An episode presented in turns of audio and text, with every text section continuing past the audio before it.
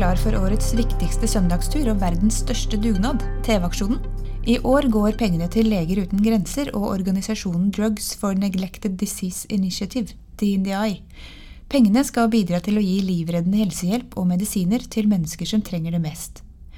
Leger uten grenser gjør en livsviktig jobb for millioner av mennesker i utviklingsland og i krigs- og epidemiområder, og jeg håper du vil gi så det monner. TV-aksjonens midler ønsker de å bruke i fire afrikanske land og til å behandle sykdommer som hepatitt C, ebola, malaria, meslinger, hiv og aids, tuberkulose, elveblindhet, sovesyke og sjagas. Både før, under og etter TV-aksjonen kommer vi til å høre mye om arbeidet Leger uten grenser gjør. Men denne lille timen skal du få høre litt om alt legemiddelindustrien også faktisk gjør i utviklingsland. I tillegg til å utvikle og donere medisiner mot en rekke sykdommer, bidrar de også med diagnostikk, distribusjon, helsehjelp og andre små og store initiativer som utgjør store forskjeller. Her i studio sitter Joakim Henriksen fra Pfizer, Line Rondan fra GSK, Torbjørn Halvorsen fra Roche Diagnostics og Veronica Barebes fra Novartis. I tillegg kan du helt mot slutten av denne episoden høre et intervju med Ronan Collins fra Janssen, som er en del av Johnson Johnson. Joakim, du kan få lov å starte. Du har vært i eh, mange debatter om dette her. Kan du altså- fortelle hva som er hovedutfordringene? Ja, manglende eh, tilgang på god medisinsk behandling det har jo flere årsaker. Én årsak er jo eh, at det finnes sykdommer hvor det i dag ikke finnes god behandling. Eh, kanskje behandlingen eh, er gammel eller dårlig, eller at det rett og slett ikke finnes noen god behandling i noen tilfeller eh, for sykdommer. Eh, så det er et, en av utfordringene, at vi trenger rett og slett mer innovasjon. Eh, og så er det en annen utfordring, som er at på noen områder så fins det gode legemidler, men de er for dyre. Eller koster for mye for mennesker som bor i lavinntekts- og lavmiddelinntektsland. Um, og det er en egen utfordring eh, som også da må, vi må ha tiltak for å, for å liksom se hvordan vi kan få til best mulig behandling for flest mulig mennesker. Eh, ja. Ja, Da kan jeg godt skyte inn at det er en tredje utfordring òg, som er relativt stor.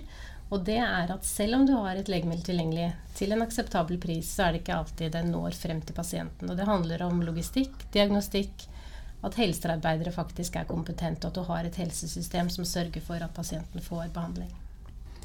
Hvis jeg kan få lov til å understreke det poenget til Line her, så er det jo Dette er jo en kjempeutfordring, for at mange har enorme avstander til, til leger. Mange har eh, rett og slett ikke tid til å dra til legen, fordi kvinner for eksempel, er jo med og styrer hele familien, lager mat. De kan ikke dra på dårlige veier 200 km til nærmeste lege. Det er, det er et kjempeproblem, bare det, altså. Veronica, hvordan eh, jobber dere i Novartis eh, på disse feltene som jeg nevnte her? Nei, Det er litt det som eh, du sa innledningsvis. Vi prøver jo i tillegg til å faktisk eh, forske frem medisiner for eget, eget institutt for eh, tropiske medisiner f.eks., som har som oppgave eh, å løse de gåtene der. Men det holder jo ikke, som det ble referert til her, å bare komme med medisinen. Eh, for det må en struktur til. Eh, så visse av de landene her så hjelper jo til med til og hvordan kan vi strukturere og gjøre kliniske studier. Og så prøver vi å, å hjelpe til med helt andre ting. Altså opplæring. Vi jobber mye innenfor mala- malaria. Liksom ren og skjær opplæring til at bor du ved siden av en elv. Det er mer mygg gutt om kvelden enn om morgenen. Altså Mye sånne tiltak. Da. Altså, vi prøver å gjøre noe med hele for forløpet, også preventivt.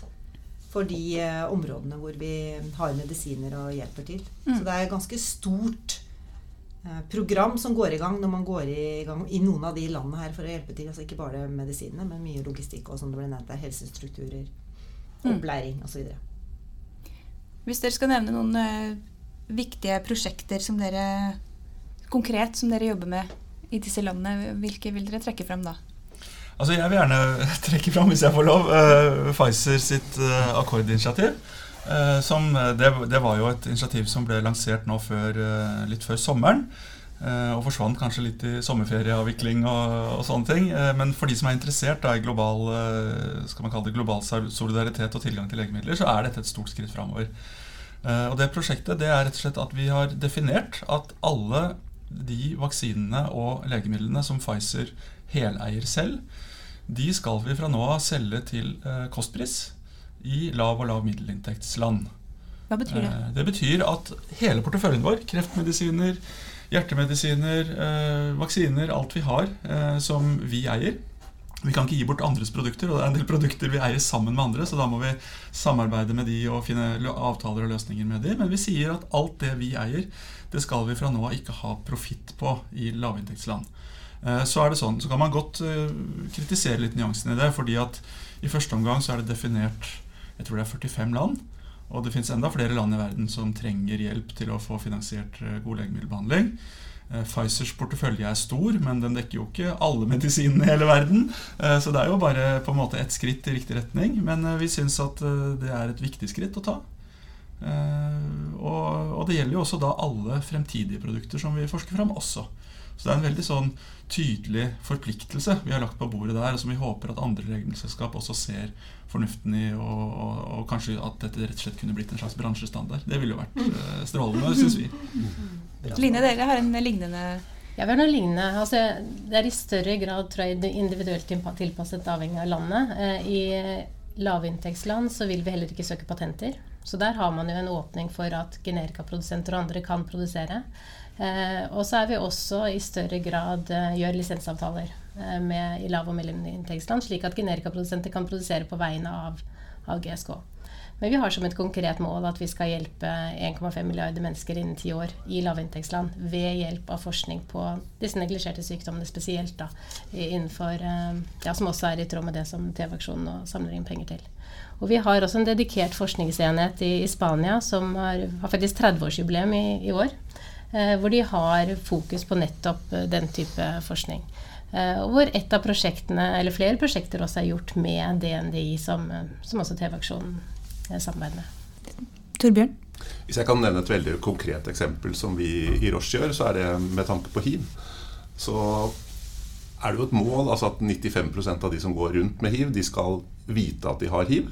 95% av de som vet det, skal få en adekvat behandling, og 95% av de som får det, skal få lave nok virusnivåer til at de kan leve som normalt. Da har vi utviklet noe spesielt for Afrika.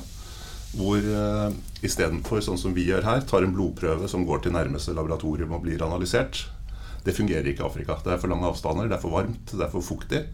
Så vi har utviklet noen spesielle kort hvor du kan dryppe en blodprøve fra fingeren så kan dette sendes over lengre avstander, i mye høyere varme, mye høyere luftfuktighet, og analyseres når det kommer frem senere på et sykehus med et laboratorie. Sånn at flere kan bli diagnostisert, sånn at flere kan få behandling. Og ikke smitte andre i lokalsamfunnet. Det er ikke så lett å toppe det her, for det var fantastiske initiativer fra alle firmaer, eh, syns jeg. Eh, I Novartis så har det jo spesielt rundt malaria vært veldig fokus siden faktisk slutten av 90-tallet, i 99. Eh, og så langt eh, så har det blitt gitt ut eh, milliard doser med medisiner på malaria, og 90% av det er faktisk ingen betalt for. Det som er utfordringen nå, er jo at det blir resistens også innenfor eh, behandlingen av malaria. Så det er jo da også nå satt i gang forskningsprogrammer for å møte den resistensen. Altså finne medisiner som kan hjelpe de som har blitt resistente. Og så er det da tilknytning til det her da selvfølgelig programmer i forhold til diagnostisering eh, og preventivt. da. Eh, monsunperioden i India f.eks. Eh, man også gjør screening av malariapasienter. Så det er svære mm, prosjekter og innsatser som spesielt går innenfor malaria fra et Novartis-ståsted. Altså, utviklingen av resistens er et eksempel sant, på at forskningen det holder på en måte ikke å komme i mål én gang.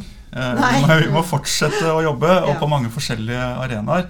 Uh, og, og, der er det også litt sånn på dette aspektet som handler om legemidlene. En ting er nå de legemidlene som finnes, og som, og som, må fordeles best mulig. Men de legemidlene som ikke finnes ennå, de som må mm. forskes frem.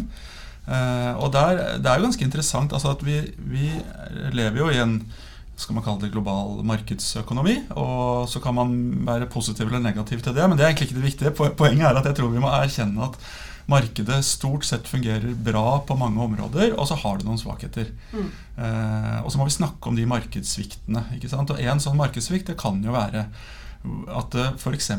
lønner seg mer å utvikle medisiner eh, som passer til oss i den vestlige verden, eh, enn det lønner seg å utvikle viktige medisiner til mennesker i lavinntektsland. Og da må vi jo forsøke å finne måter å, å, å jobbe med det på, f.eks. privat-offentlig samarbeid eller, eller forskningsprosjekter som, som, på en måte går litt forbi den dimensjonen som bare handler om, om uh, marked og lønnsomhet. Uh, og det gjør vi jo. Det er kanskje en illusjon om at legemiddelindustrien liksom kvier seg for det, og at, at vi kontinuerlig prioriterer lønnsomme prosjekter.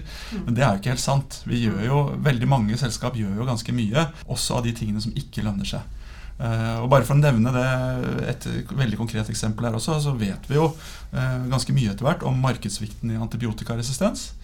Um, som er en global problemstilling. Det er et problem for oss i rike land, det er et problem for mennesker i fattige land.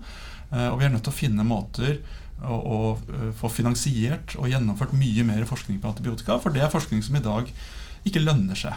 Og som gjør at det da blir lettere å prioritere bort for det enkelte legemiddelselskap, som, som er nødt til å prøve å lete i, i sin portefølje etter prosjekter som, som, kan lønne seg, sånn at selskapet kan betale ansatte lønn og fortsette å overleve. Ja, Når det gjelder dette med antibiotikaresistens, eller antimikrobiell resistens, for å være helt presis, så, så, er også vaksiner et av de viktigste tiltakene. Så én ting er at ved å vaksinere befolkningen globalt vil unngå infeksjoner som vil kreve antibiotikabehandling. Men det andre er at det utvikles spesifikt vaksiner for å eh, forhindre infeksjoner med bakterier og virus som ofte er eh, har problemer med resistens. Så på den måten så er det egentlig to forskjellige måter man angriper problemet med med antimikrobiell resistens. Så det er også noe som firmaene jobber aktivt med, og man selvfølgelig ideelt sett skulle jobbet enda mer med, eh, med tanke på det Joakim sine kommentarer. Og så vidt jeg har skjønt, så har alle dere forskningsorganisasjoner som på en måte er spissa mot mm. afrikanske land, eller global helse, såkalt. Mm. Kan du si litt mer om de ulike av disse? Ja, og det, det, som er, i hvert fall Hos oss så måles man jo selvfølgelig på en helt annen måte i disse globale enhetene enn tradisjonelt som vi gjør i Norge og andre vestlige land. Så der måles man på helseimpact, på godt norsk, og ikke finansielt. Så ser man hvor mange mennesker klarer man å nå eh, over en periode. Og, og, rett og slett det er måten man, man måler suksess på, da. Som, eh, som, selvfølgelig er i tråd med det Joakim sier her nå. Eh, dette er jo ikke noe vi nødvendigvis tjener penger på. Hvis jeg, hvis jeg, kan si noe, så har vi en konkret målsetning om å øke antallet kliniske studier i Afrika. Vi, eh, vi hadde for eh, Og det er ikke bare for at vi skal få flere data, men også for at de skal få, de skal få kunnskap, de skal lære, de skal få tilgang til nye innovative legemidler. Og mm, der har vi en veldig konkret satsing og har økt fra to kliniske studier for ti år siden til 50 kliniske studier som pågår nå i Afrika. Så mm dette er et satsingsområde for oss for å bygge fremtiden til Afrika. For det er en utfordring for Afrika med tanke på legemidler at de gjerne er prøvd ut i eh, Nord-Amerika og Europa. Og vi har rett og slett ikke data på afrikanere. Jeg tror fra et Novartis ehm, ståsted så har vi jo da det her egne instituttet for tropiske sykdommer. Og det er jo også fra et Altså Vi kommer fra et ståsted hvor vi ønsker å, å hjelpe alle deler av verden. Og det finnes sykdommer som ikke finnes noe annet sted enn i tropiske områder. Eh, hvor man da gjør eh, forskning på spesielt parasittene, da, som er problemet i de landene. Så det er jo et ønske om å bidra mer eh, også, også ja, fra, et, fra, et, samfunnsperspektiv. Da. Eh, og derfor må vi ha egne enheter som jobber med det. Og så eh, må vi også huske at når vi gjør alle de tingene her i, i, i disse landene, så gjør vi jo det veldig ofte i samarbeid med andre og lokale organisasjoner. Så det blir jo slags ringvirkninger av det òg. Vi styrker jo den lokale strukturen eller helsevesenet. Det er også en viktig del å få med seg her. At vi gjør, selv om vi da primært kanskje er eksperter på medisinene, så blir det ringvirkninger i samfunnet at vi bidrar på lik linje med andre bistandsorganisasjoner, egentlig. Eh, men vi har også da et produkt å komme med i tillegg. Jeg har bl.a. lest om et tog som, eh, som Roche har bidratt til. Det er riktig. I Sør-Afrika så har vi et, eh, et tog. Det, mm, vi ble med som hovedsponsor. Vi, vi, jobber stort sett sammen med andre. altså Vi jobber sammen med veldedige organisasjoner. Vi jobber sammen med myndigheter. Vi, vi, vi, gjør ikke noe helt alene, både fordi vi tror at industrien er skummel eh, og, og, ofte litt uglesett. Så Derfor er det lurt av samarbeidspartnere og myndighetene for å på en måte forplikte dem også. For vi har erfaring med at hvis vi bare sender ting, så blir det stående og støve ned på et lager. Um, så dette toget kjører, eh, kjører rundt i Afrika, eh, Sør-Afrika. Um, og til mer avsidesliggende områder. Og det har med seg studenter eller andre folk som er lært opp i å kunne diagnostisere forskjellige sykdommer. Det startet helt opprinnelig med for øyesykdommer. Så ble det utviklet til diabetes. Og nå er det også screening for både kreft og diverse infeksjonssykdommer på dette toget. Som nå har 16 vogner, har jeg sett. Eller? Ja, som har 16 vogner. Og det, den ene vognen inneholder til og med en liten bil som kan kjøre rundt i enda mer avsidesliggende eh, områder når du først er på, er på et, et annet avsidesliggende sted. GSK, dere har jo utvikla verdens første malariavaksine. Ja, det stemmer. Så det er jo en av de store prosjektene som har pågått de siste tiårene, eh, og som nå rulles ut til større deler av, av, Afrika i disse dager. Og vi har også nå gått over i en ny fase 1 eh, eh, klinisk utprøving med et ny, malariamedisin. Eh, og vi har gjennom denne åpne laben som jeg snakket om, altså den forskningssenteret på tropiske sykdommer som vi har, så er det nå syv kandidatlegemidler til å behandle tropiske neglisjerte sykdommer. Og bl.a. av både malaria, tuberkulose og også den sykdom som heter kala azar, som er en, en alvorlig parasittsykdom. Som Joakim var inne på tidligere, så er vi, vi er en kommersiell aktør. Eh, og det å tjene penger på, på helse er, er, potensielt litt kontroversielt. Og, og, eh, men noe som inspirerte meg, det var da vår tidligere toppsjef sa en gang at når vi, når vi ønsker å bidra på global helseområde, så er det ikke for å tikke av. Dette er liksom det vi kan gjøre, og så opp, altså er det noen kriterier som er oppfylt. Men det handler om å, eh, å, gjøre så mye vi kan, og samtidig ivareta de forpliktelsene vi har som en kommersiell aktør. Slik at man kan tiltrekke seg investorer. For det er jo livsgrunnlaget vårt er at noen investerer i firmaene for å forske og utvikle videre. Men det er, det er å finne den balansen av hvor mye kan vi bidra med, og samtidig være kommersielt attraktiv. Mm. Og det er litt viktig å ha med seg i den diskusjonen vi har nå.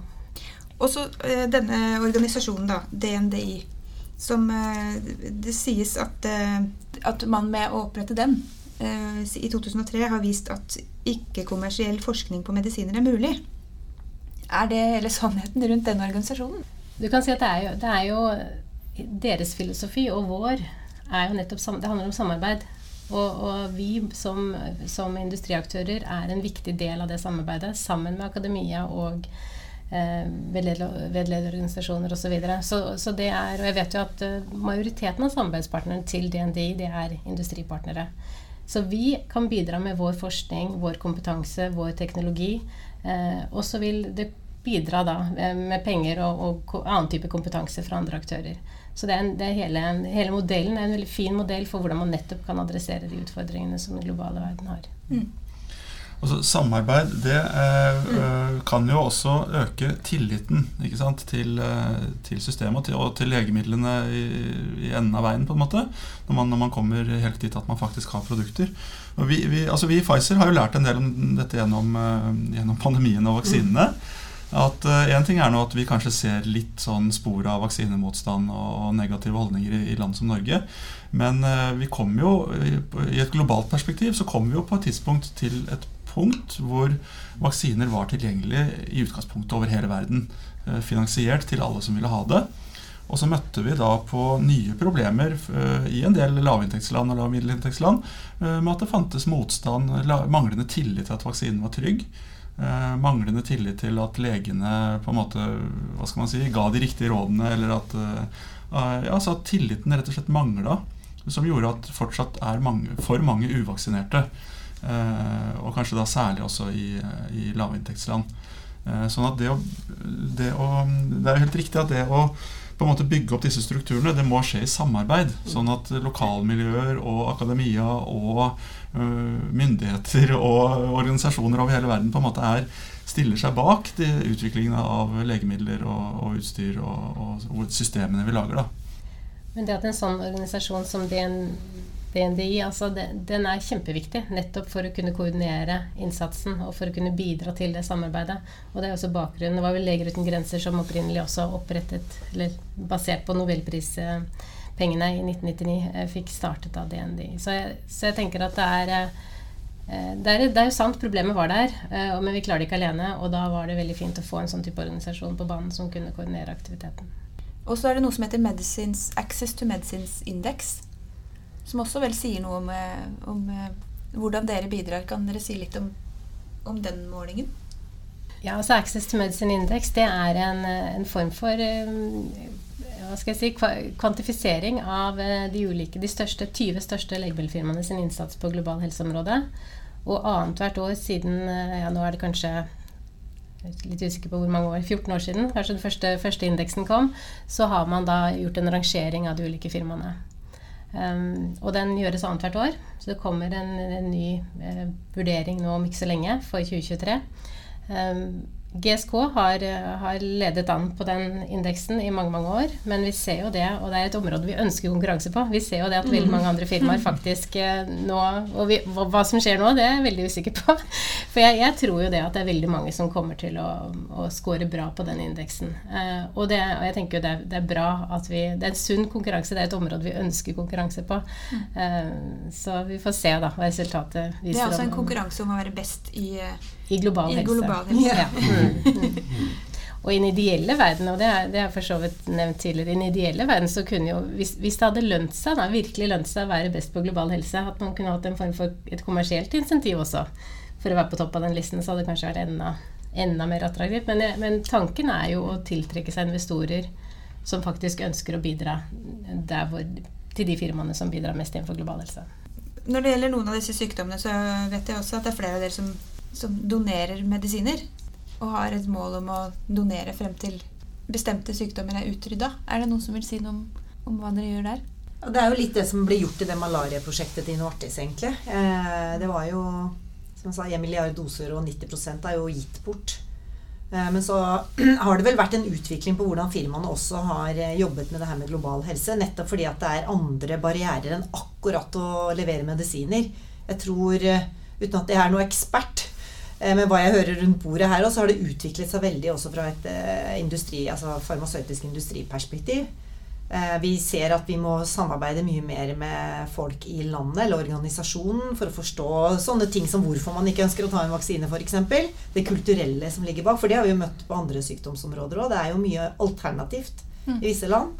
Så jeg tror det har utviklet seg veldig til å være mer fra en donor, holdt jeg på å si, til å gjøre mer med strukturen. For det har vist seg å ikke holde. Uh, og jeg syns jo egentlig alt som skjedde rundt covid-vaksinene Det samarbeidet globalt som foregikk der, både på forskning og logistikk og alt, viser både hvilket potensial det er i den industrien her, å bruke oss på riktig måte, og ønske ikke minst fra industrien å dekke hele alle mennesker i, på den verden vi lever. Eh, jeg, så, jeg tror den utviklingen har vært fra mer don, ren donasjon til i hvert fall legge til noe ekstra. Eh, rundt logistikk og sånn. Det handler jo veldig mye om å bygge opp helsesystemer og helsekompetanse, slik at man skaper et bærekraftig samfunn. Um, så, mm. så, det tror jeg er eh, Donasjoner eh, er viktig i noen områder, på noen områder, og selvfølgelig i kriser. Da er det en litt annen rolle. Men mm. når det gjelder den der mer kontinuerlige støtten og hjelpen, så er det vel så viktig å bygge infrastruktur. Mm. Hvis jeg, kan, hvis jeg, kan, si litt om dette, dette med samarbeid og finne barrierene som, som ble nevnt her så har man jo sett Nå går jeg litt vekk fra infeksjonssykdommer, men, men snakker om kreft i stedet. Så har man jo sett f.eks. i Kenya så kom ofte kvinner med, med livmorhalskreft. De kom altfor sent til, til behandling. Da, da, var det så langt kommet at det var rett og slett ikke noe å gjøre. Så noe Roche der, er i et prosjekt som kalles Empower, er at man har funnet ut Hvorfor skjer dette egentlig, bortsett fra lange avstander, som er et problem? selvfølgelig. Eh, I tillegg så var det stigma, fordi at dette ofte er forbundet med, med kjønnsorganer, HPV-virus, og altså seksuelt overførbart. Så um, der har vi samarbeidet med en organisasjon som heter First Ladies Associations. Det er konene til de 47 guvernørene i regionene i Kenya eh, som har satt fokus på dette. Og da, det gjør at stigma det faller, fordi det er, det er de viktigste damene i landet som er engasjert i dette. Så vi har nå i samarbeid med dem og flere organisasjoner opprettet 16 klinikker rundt omkring i Kenya for å redusere avstandene. Som kan gjennomføre screening for, eh, for livmorhalskreft og også brystkreft rundt i eh, forskjellige steder som er mer avstandsliggende i Kenya. Noen av disse kvinnene kommer sammen med mennene sine, så de har også fått prostataundersøkelse. Ja. Noen av disse mennene. Så det går an å kombinere sånn. så baller det på seg. Mm. Når det gjelder tilgang til og godkjenning av legemidler, så har, jo, har, vi jo FDA i USA, og så har vi EMA i Europa. Og så har jeg skjønt at det også har kommet nå i Afrika. Eh, AMA, African Medicines Agency. Hvor viktig er det? Ja. Dette, dette, blir jo et afrikansk legemiddelverk à la EMA som vi har i Europa. Som eh, rett og slett gjør at det blir lettere å søke markedsføringstillatelse for legemidler i Afrika tidligere enn eh, det man har kunnet gjøre før. Hvor de ofte har fått legemidlene åtte år, ti år mm. senere enn de har fått i Europa og Amerika. Mm. Dette er jo helt nytt. Dette er en følge av koronaepidemien, hvor man så at veldig mange legemidler rett og slett aldri er testet ut eller eh, søkt godkjent i Afrika. Så dette, dette tror jeg er en kjempefordel for Afrika. Jeg har også et annet konkret eksempel, og det er at i et av våre produkter, som er et munnskyllevann, så er det et eh, middel som også viser seg å være effektivt for desinfeksjon i forbindelse med fødsler, for å unngå eh, at barn blir smittet og, og dør i forbindelse med fødsel. Men problemet er at munnskyllevann kan ikke brukes til det, så da måtte man måtte en omformulering til. Så man brukte da eh, virkestoffet, fikk det omformulert, men det er en egen prosess. Man må få dette godkjent, og så få det distribuert ut til de som trenger det. Så da var det samarbeid med GSK og med Redd Barna, som jobbet lokalt. Og da fikk dette produktet gjennom fra å være munnskyllevann til å være et middel som da ble brukt til desinfeksjon av navlestrengen i forbindelse med fødsel, som har reddet veldig, veldig mange liv. Så et eksempel på hvordan man kan samarbeide på mm. legemiddelutvikling og formulering. Og få det tilpasset eh, det lokale markedet, og da med samarbeid med lokale aktører, i dette tilfellet Redd Barna. Altså, vi har jo en, en plass ved, bordet i Norge også når det gjelder eh, AMR, altså antimikrobiell resistens. Eh, vi har jo lenge forsøkt eh, å få norske myndigheter til å forplikte seg enda mer til type piloter og utviklingsmodeller som, som kunne gjøre det mer kommersielt lønnsomt å utvikle nye antibiotika. Altså, bare For å beskrive litt av den markedssvikten som har oppstått på det markedet, så har vi i løpet av de siste årene så har vi sett eksempler på uh, kanskje litt mindre selskaper som faktisk har lykkes med å utvikle viktige nye antibiotika. Og to år etter introduksjonen så har de konkurs det har rett og slett ikke vært lønnsomt å lykkes. Alle vet at det er lønnsomt å mislykkes. Det er legemiddelselskapenes på en måte eh, Det er den andre siden av coinen for, for, oss. Vi prøver på mye, og vi mislykkes med mye i de medisinske forsøkene. Og så lykkes vi heldigvis av og til. Eh, og, og har eh, på en måte mulighet til å gjøre verden litt bedre. Og også være kommersielt drivbare når vi lykkes. ikke sant? Og, og, men, men, en del av gamet er jo at, at, man prøver mye som man mislykkes med. Men når vi da har et antibiotikamarked hvor selv det å lykkes ikke er lønnsomt, så, så, må det jo noen helt sånn grunnleggende strukturendringer til. Mm. Og øh, Vi tenker jo at norske myndigheter burde ha dårligere tid og føle mer forpliktelse til å bidra til å utvikle type nye finansieringsmodeller som kan prøve å, å fikse det problemet her. Og Det er jo en, det er løsninger som ikke bare ville hjelpe Norge eller rike land, det er løsninger som ville kunne bidra til å utvikle viktige nye antibiotika til glede for hele verden. Ronan Collins, you're in Johnson. How, uh, uh, what do you do in global health work, your company? Yeah, we have a, a, several areas of focus. Um, I think you know three important ones are uh, the fight against tuberculosis, um, uh, really controlling and uh, trying to eliminate uh, intestinal worms, which is a, a, disease affecting young children. Um, uh, and a big focus is on how we can prevent epidemics, whether it's Ebola uh, or COVID, and the contribution we could make there. Um, so, really focused on diseases that are entrenched, but also diseases that we are yet to yet to know exist. Right. Um, so we are they talk about this disease X and, and how can you play a role, and that really centers around pandemic preparedness. Um, so those are kind of the main areas that we focus in on, specifically around tuberculosis. Um, we are coming up to the 10th anniversary since the launch of uh, a drug we developed for multi-drug resistant tuberculosis, and that's uh, multi-drug resistant tuberculosis is a disease that has affected uh, hundreds of thousands of people.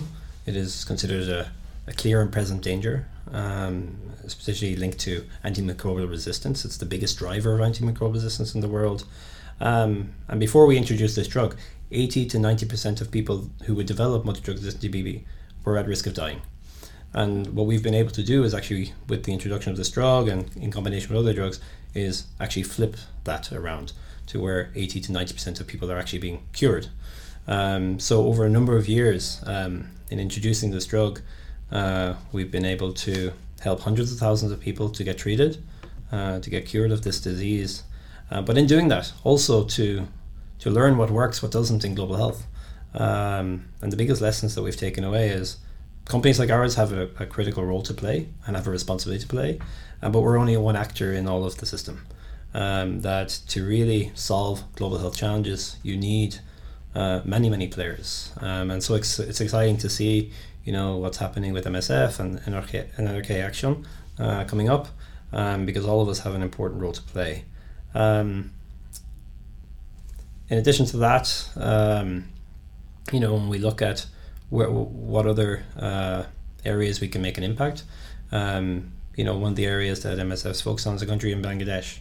We're actually Bangladesh is one of a major recipient of, of one of our drugs, uh, Vermox, which um, is for the treatment of soil transmitted helminths or intestinal worms. And that drug um, we make available to uh, children in Bangladesh uh, of school going age.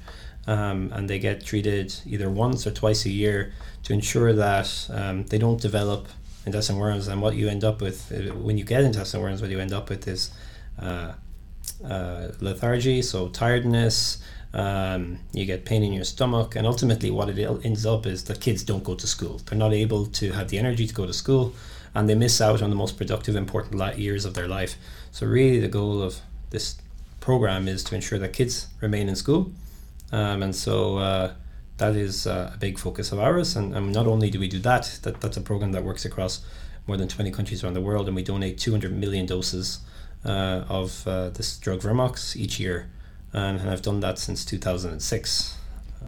They are they are shipped uh, Bangladesh uh, on on an annual basis uh, is the biggest shipping with about 40 million doses. So they they are treating up to 40 million tri- children with this uh, drug, um, and uh, has been uh, not just a major program for us, but has been a major contributor to how we uh, you know demonstrate the value of, of what the pharmaceutical industry can contribute.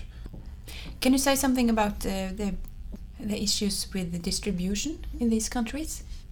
Yeah, I, I think the biggest lesson we learned, as I mentioned, around tuberculosis is not it's not enough just to make a medicine available. Um, you know, you can we can give it for free. We can ship it. We can deliver it to the whether to a, a port, whether that's an airport or a dock, uh, and the result is it doesn't just magically get to the patient. Um, and really, what we have uh, encountered is that the last, what we call the last mile challenges. So, from it arriving into a country to getting into the hands or into the mouth of a patient um, requires a huge network of people from supply chain experts to healthcare professionals to community health workers. Mm. Um, so, in a lot of these countries, uh, community health workers play the critical role as that last connection between a person in a village um, and them getting access to healthcare. And so, what we've experienced is that it's a very complex uh, web uh, that requires all the, but all of it working together. Um, and so, we can deliver as a pharmaceutical company only so much. Mm-hmm. We can bring things only so far, but all of the other players or actors uh, in the system, from the government through to NGOs like an MSF, and others have to also play their role in ensuring that the medicines. So it's a shared responsibility, ensuring mm. that a medicine gets to people. So in the case of tuberculosis, when we launched the medicine first, we were only able to deliver like you know a couple of thousand, and then we were up to six thousand. But now we're able to deliver 150 to 200 thousand doses a year, um, and we're reaching 75 percent of the patients who need that drug. So of all the patients who develop multi-drug resistant TB today, we are able to deliver 75% of them right now. And we continue to work on it. It's not something that's solved overnight, but we continue to work on it. And it's this public private cooperation, um, ex- these massive collaborations that are required to enable access. Mm. Which organizations does the, the pharma industry uh, cooperate with? Yeah, as, as you heard uh, you know, our colleagues share, it it is these what we call the supranationals, the multilaterals, whether it's the World Health Organization uh, or the the Gavis, so the Global Vaccine Alliance, the Global Fund to Fight HIV, uh, TB, malaria. Um, those are the big, uh, I would say, at the global level, and then at a local level, it's everything from a local NGO, which may be someone who is affected by a disease that took uh, the initiative and investment to want to contribute and help the people within their local community, to the likes of an MSF or UNICEF who have boots on the ground. Mm. Whether it's uh, in Africa now, you have organizations like the Africa CDC. Um, the African Union are now playing a much more active role in, in shaping the healthcare agenda in the region. Um, and you go into Asia, similarly. Um, you have uh, regional level organizations, but also at the local level. Um, what you cannot uh, what you cannot count or discount, discount is the incredible motivation in these countries to actually uh, solve the healthcare challenges locally for themselves. And so we as pharmaceutical companies don't just fly in. And say, here we have a solution. We really work collaboratively and we work at the local level because at the local level they understand the challenges. And so we don't just fly in uh, ourselves, we are building capabilities locally, investing in local capabilities, supporting uh, countries to invest in themselves. And that ultimately is going to be what uh, allows us to deliver sustainable healthcare. Why do we need TV-aksjonen? It goes back to what I said around collaboration and the important role that a collective plays. Uh, MSF are a uh, huge uh, contributor to advancing healthcare in Africa uh, at the operational level, whether it's addressing humanitarian crisis or, or fighting some diseases like multi-drug resistant TB, where they've played a very active role over many years. Um, all of us have to play a role, and MSF uh, have, have uh, do that, and, and they're expert in that uh, in very specific areas that they focus in, in solving uh, the healthcare challenges for for the, some of the world's poorest people. Um, and I think we all can uh, sympathise with the healthcare challenges that these people are facing, um, and, and and all have a role to play in helping to advance that. Om du ikke var inspirert til å gi eh, penger til TV-aksjonen før denne podkasten, så håper vi du er blitt inspirert nå. Det er mange muligheter til å delta. Man kan gå inn på blimed.no skråstrek givermuligheter. Der er det bl.a. oversikt over kontonummer og eh, VIPS nummer 2133. Og så ønsker vi alle en eh, god dugnad.